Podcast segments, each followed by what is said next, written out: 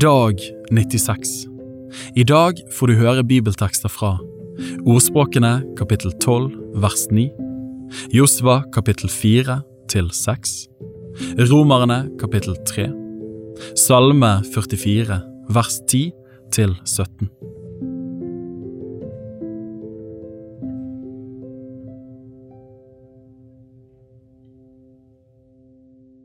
Ordspråkene kapittel 12 vers 9 Bedre er en småkårsmann som arbeider for seg selv, enn en som vil være storkar, men ikke har brød.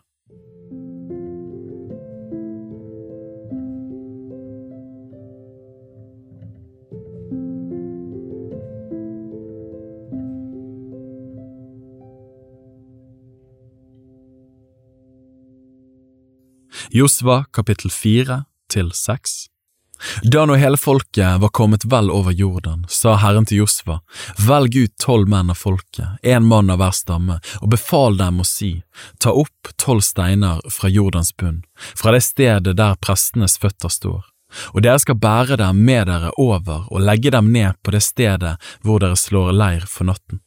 Da kalte Josfa til seg de tolv mennene som han hadde utvalgt blant Israels barn, en mann for hver stamme. Og Josfa sa til dem, Gå foran Herrens, deres Guds ark, ut i Jordan og ta hver sin stein opp på skulderen, etter tallet på Israels barns stammer. Disse steinene skal være et tegn blant dere. Når barna deres i fremtiden spør, Hva er dette for steiner? Da skal dere si til dem, Jordans vann delte seg foran Herrens paktsark. Da den kom ut i Jordan, delte Jordans vann seg. Og disse steinene skal være til et minne om dette for Israels barn til evig tid. Israels barn gjorde som Josfa befalte. De tok tolv steiner opp av jorden, slik Herren hadde sagt til Josfa, etter tallet på Israels barns stammer, og de bar dem med seg over til det stedet hvor de ble natten over, og der la de dem ned. Og ute i Jordan, på det stedet hvor de prestene som bar paktens ark, sto med sine føtter, reiste Josva tolv steiner opp. De står der den dag i dag. Prestene som bar paktens ark, ble stående midt ute i Jordan til det var utført, alt det som Herren hadde befalt Josva å si til folket, i samsvar med det Moses hadde gitt Josva påbud om. Og folket skyndte seg og gikk over. Da hele folket var kommet vel over, dro Herrens ark og prestene frem foran folket, og Rubens barn og Gads barn og den halve Manasses stamme dro fullt rustet fram i spissen for Israels barn, slik som Moses hadde sagt til dem. Det var omkring 40 000 menn som dro fram for Herrens åsyn, rustet til strid, til kamp på Jerikos ødemarker. Denne dagen gjorde Herren Josfa stor for hele Israels øyne. De hadde ærefrykt for ham, like som de hadde hatt ærefrykt for Moses alle hans livs dager. Og Herren sa til Josfa, si til prestene som bærer vitnesbyrdets ark, at de skal stige opp av Jordan. Og Josfa bød prestene og sa, stig opp av Jordan. Da når prestene som bar Herrens paktsark steg opp av Jordan og hadde satt sine føtter på tørt land, der vendte Jordans vann tilbake til sitt leie og gikk som før over alle sine bredder. Det var den tiende dagen i den første måneden at folket steg opp av Jordan, og de slo leir over Gilgal lengst mot øst i landet omkring Jeriko. Der i Gilgal reiste Josfa opp de tolv steinene som var tatt opp av Jordan. Og han sa til Israels barn, når barna deres i fremtiden spør sine fedre, hva er dette for steiner? Da skal dere fortelle deres barn om dette og si, på tørt land gikk Israel over Jordan her, fordi Herren deres Gud lot Jordans vann tørke bort foran dere til dere kom over, like som Herren deres Gud gjorde med Rødehavet, som han lot tørke bort foran oss til vi var kommet over. Dette gjorde han for at alle folk på jorden skal kjenne at Herrens hånd er sterk, og for at dere alle dager skal frykte Herren deres Gud. Kapittel 5 Alle amorittkongene som bodde på vestsiden av Jordan, og alle kananeerkongene som bodde ved havet, hørte at Herren hadde latt Jordans vann tørke bort foran Israels barn inntil vi var kommet over. Da ble hjertene deres grepet av frykt, og de hadde ikke lenger mot til å møte Israels barn. På den tiden sa Herren til Josfa, gjør deg steinkniver og omskjær igjen Israels barn for andre gang. Da gjorde Josva seg steinkniver og omskar Israels barn ved Ha-Aralotthaugen, og dette var grunnen til at Josva omskar dem. Hele folket som dro ut av Egypt, alle menn som kunne gå i krig, var døde i ørkenen på veien fra Egypt. Alle de som dro ut var omskåret, men alle de som var født i ørkenen på veien fra Egypt, var ikke blitt omskåret. I 40 år vandret Israels barn omkring i ørkenen inntil alt folket, de våpenføre menn som dro ut av Egypt, var døde. De hørte ikke på Herrens røst, derfor sverget Herren at han ikke ville la dem se det landet som Herren med ed hadde lovt deres fedre å gi oss, et land som flyter med melk og honning. Men sønnene deres, som han hadde latt vokse opp i deres sted, dem omskar Josfa. De hadde forhud, for de var ikke blitt omskåret på veien. Da hele folket var blitt omskåret, holdt de seg i ro der hvor de var i leiren til de ble friske igjen. Og Herren sa til Josva, I dag har jeg veltet av dere skammen fra Egypt. Siden har dette stedet vært kalt Gilgal, like til denne dag. Mens Israels barn lå i leir ved Gilgal, holdt de påske der på Jeriko-sletten, om kvelden den fjortende dagen i måneden. Og dagen etter påsken åt de av landets grøde, usyret brød og ristet korn åt de den dagen. Mannen hørte opp dagen etter, for nå åt de av landets grøde. Israels barn fikk ikke mer manna, men de åt dette året av det som var avlet i Kanans land. Mens Josfa var ved Jeriko, hendte det en gang at han så opp og fikk øye på en mann som sto foran ham med et løftet sverd i hånden. Josfa gikk bort til ham og sa, Er du for oss, eller er du med fiendene våre? Han svarte, Nei, jeg er høvdingen over Herrens hær, nå er jeg kommet. Da falt Josfa på sitt ansikt i jorden og tilba og sa til ham, Hva har min herre å si til sin tjener? Og høvdingen over Herrens hær sa til Josfa, Dra skoen av din fot, for det stedet du står på er hellig. Og Josfa gjorde så. Kapittel 6 Jeriko holdt portene lukket og låst på grunn av Israels barn. Ingen gikk ut og ingen kom inn. Da sa Herren til Josfa, Se, jeg har gitt Jeriko med kongen og de tapre krigerne i din hånd. La nå alle stridsmennene gå omkring byen, rundt om den én gang. Slik skal du gjøre i seks dager. Sju prester skal bære sju jubelhorn foran arken.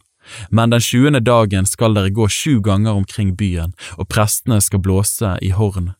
Når de så blåser i jubelhornet med lange toner, og dere hører lyden av hornet, da skal hele folket sette i et høyt rop. Da skal bymuren falle ned der hvor den står, så folket kan stige over den, hver rett fram for seg. Da kalte Josva, Nuns sønn, prestene til seg og sa til dem, Dere skal bære paktens ark, og sju prester skal bære sju jubelhorn foran Herrens ark. Og til folket sa han, dra fram og gå omkring byen, de væpnede menn skal gå foran Herrens ark. Da Josva hadde sagt dette til folket, gikk de sju prestene fram, de som bar de sju jubelhornene for Herrens åsyn. De blåste i hornet, og Herrens paktsark fulgte etter dem. De væpnede mennene gikk foran prestene som blåste i hornet, og de som avsluttet toget, gikk etter arken mens det ustanselig ble blåst i hornet. Josva bød folket og sa, Dere skal ikke rope og ikke la deres røst høre. Det skal ikke gå et ord ut av munnen deres før jeg sier til dere, rop nå. Da skal dere rope. Så førte han Herrens ark omkring byen, en gang rundt om den. Deretter dro de inn i leiren og ble der natten over. Morgenen etter sto Josfa tidlig opp, og prestene bar Herrens ark. Og de sju prestene som bar de sju jubelhornene foran Herrens ork, gikk hele tiden og blåste i horn. De væpnede mennene gikk foran dem, og de som sluttet toget, gikk etter Herrens ork. Hele tiden ble det blåst i horn. Slik gikk de den andre dagen en gang omkring byen, så vendte de tilbake til leiren. Dette gjorde de i seks dager. Den tjuende dagen sto de tidlig opp, med det samme det grydde av dag, og så gikk de sju ganger rundt byen. De bar seg att på samme måten som før, bare at de denne dagen gikk sju ganger omkring byen. Og da prestene blåste i hornet den tjuende gangen, da sa Josva til folket, Rop nå, for Herren har gitt dere byen. Byen og alt som er i den skal være viet til Herren og bannlyst. Bare horkvinnen Rahab og alle som er i huset hos henne skal få leve, fordi hun skjulte de mennene som vi hadde sendt ut. Men vokt dere vel for det som er bannlyst, så dere ikke først slår med bann og siden tar av det som er bannlyst, for da legger dere Israels leir under bann og fører den i ulykke. Men alt sølv og gull og alle ting som er av kobber og jern skal være hellige til Herren og komme i Herrens skattkammer. Så ropte folket, og de blåste i hornet, og det skjedde da folket hørte lyden fra hornet, og de satte i et høyt rop, da falt muren helt sammen, og folket steg rett inn i byen og inntok den, og de slo med bann alt som var i byen, både menn og kvinner, både unge og gamle, storfe og småfe, og esler slo de med sverdets egg. Men Josva sa til de to mennene som hadde utspeidet landet, gå inn i horkvinnens hus og før kvinnen og alle dem som hører henne til ut derfra, slik som dere har lovt henne med ed. De unge mennene som hadde vært speidere, gikk da inn og førte Rahab ut av huset, likeså hennes far og mor og brødre og alle som hørte henne til. Hele hennes slekt førte de ut og lot dem få oppholde seg et sted utenfor Israels leir. Men byen med alt det som var i den, brente de opp med ild. Bare sølvet og gullet og alle de ting som var av kobber og jern, la de ned i skattkammeret i Herrens hus. Horkvinnen Rahab og hennes fars slekt og alle dem som hørte henne til, lot Josva få leve. Hun ble boende blant Israels folk inntil denne dag, fordi hun skjulte de mennene som Josva hadde sendt for å utspeide Jeriko. Den gang lot Josva folket sverge denne ed, forbannet for Herrens åsyn være den mannen som går i gang med å bygge opp igjen denne byen Jeriko. Når han legger byens grunnvoll, skal det koste ham hans førstefødte sønn, og når han setter opp byportene, skal det koste ham hans yngste sønn. Og Herren var med Josfa, og ryktet om ham kom ut over hele landet.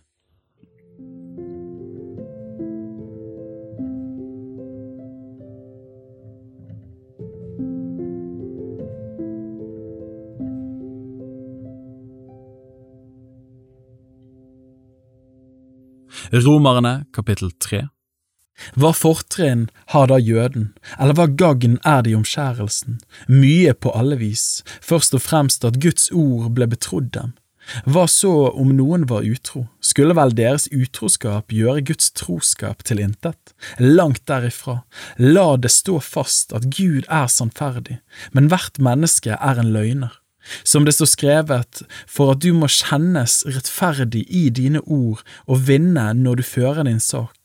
Men dersom vår urettferdighet fremhever Guds rettferdighet, hva skal vi da si, er kanskje Gud urettferdig når han fører sin vrede over oss, jeg taler på menneskelig vis, langt derifra. Hvordan skulle da Gud kunne dømme verden? Men hvis Guds sannferdighet ved min løgn viser seg større til Hans ære, hvorfor blir jeg da likevel dømt som synder? Skal vi ikke da like gjerne gjøre det onde for at det gode kan komme av det, slik vi spottes for og som noen sier at vi lærer? Rettferdig er den dommen som rammer slike. Hva da? Har vi noe fortrinn? Nei, slett ikke. Vi har jo allerede anklaget både jøder og grekere for at de alle er under synd. Som det står skrevet, det er ikke én rettferdig, ikke en eneste. Det er ikke én som er forstandig, det er ikke én som søker Gud. Alle er veket av, alle sammen er blitt udugelige. Det er ikke noen som gjør det gode, ikke en eneste. Deres strupe er en åpen grav, de bruker sin tunge til svik, ormegift er under deres lepper, deres munn er full av forbannelse og bitterhet. Raske er deres føtter til å utøse blod, ødeleggelse og elendighet er det på deres veier, freds vei kjenner de ikke, gudsfrykt er det ikke for deres øyne. Men vi vet at alt det loven sier, det taler den til dem som er under loven, for at hver munn skal lukkes og hele verden blir skyldig for Gud. Derfor blir intet skjød rettferdiggjort for ham ved lovgjerninger, for ved loven kommer erkjennelse av synd. Men nå er Guds rettferdighet, som loven og profetene vitner om, blitt åpenbart uten loven det er Guds rettferdighet ved tro på Jesus Kristus til alle og over alle som tror, for det er ingen forskjell, alle har syndet og mangler Guds herlighet. og de blir rettferdiggjort for intet av Hans nåde ved forløsningen i Kristus Jesus. Ham stilte Gud til skue i hans blod som en nådestol ved troen, for å vise sin rettferdighet, fordi han i sin langmodighet hadde båret over med de syndene som før var gjort. Ved dette ville Gud vise sin rettferdighet i den tiden som nå er, så han kunne være rettferdig og rettferdiggjøre den som har troen på Jesus. Hvor er så vår ros? Den er utelukket. Ved hvilken lov? Gjerningenes lov? Nei, ved troens lov. For vi er overbevist om at mennesket blir rettferdiggjort ved tro uten lovgjerninger. Eller er Gud bare jøders Gud? Er han ikke også hedningers? Jo, han er også hedningers Gud, så sant Gud er én, han som rettferdiggjør de omskårne av troen og de uomskårne ved troen. Opphever vi så loven ved troen, langt derifra, vi stadfester loven.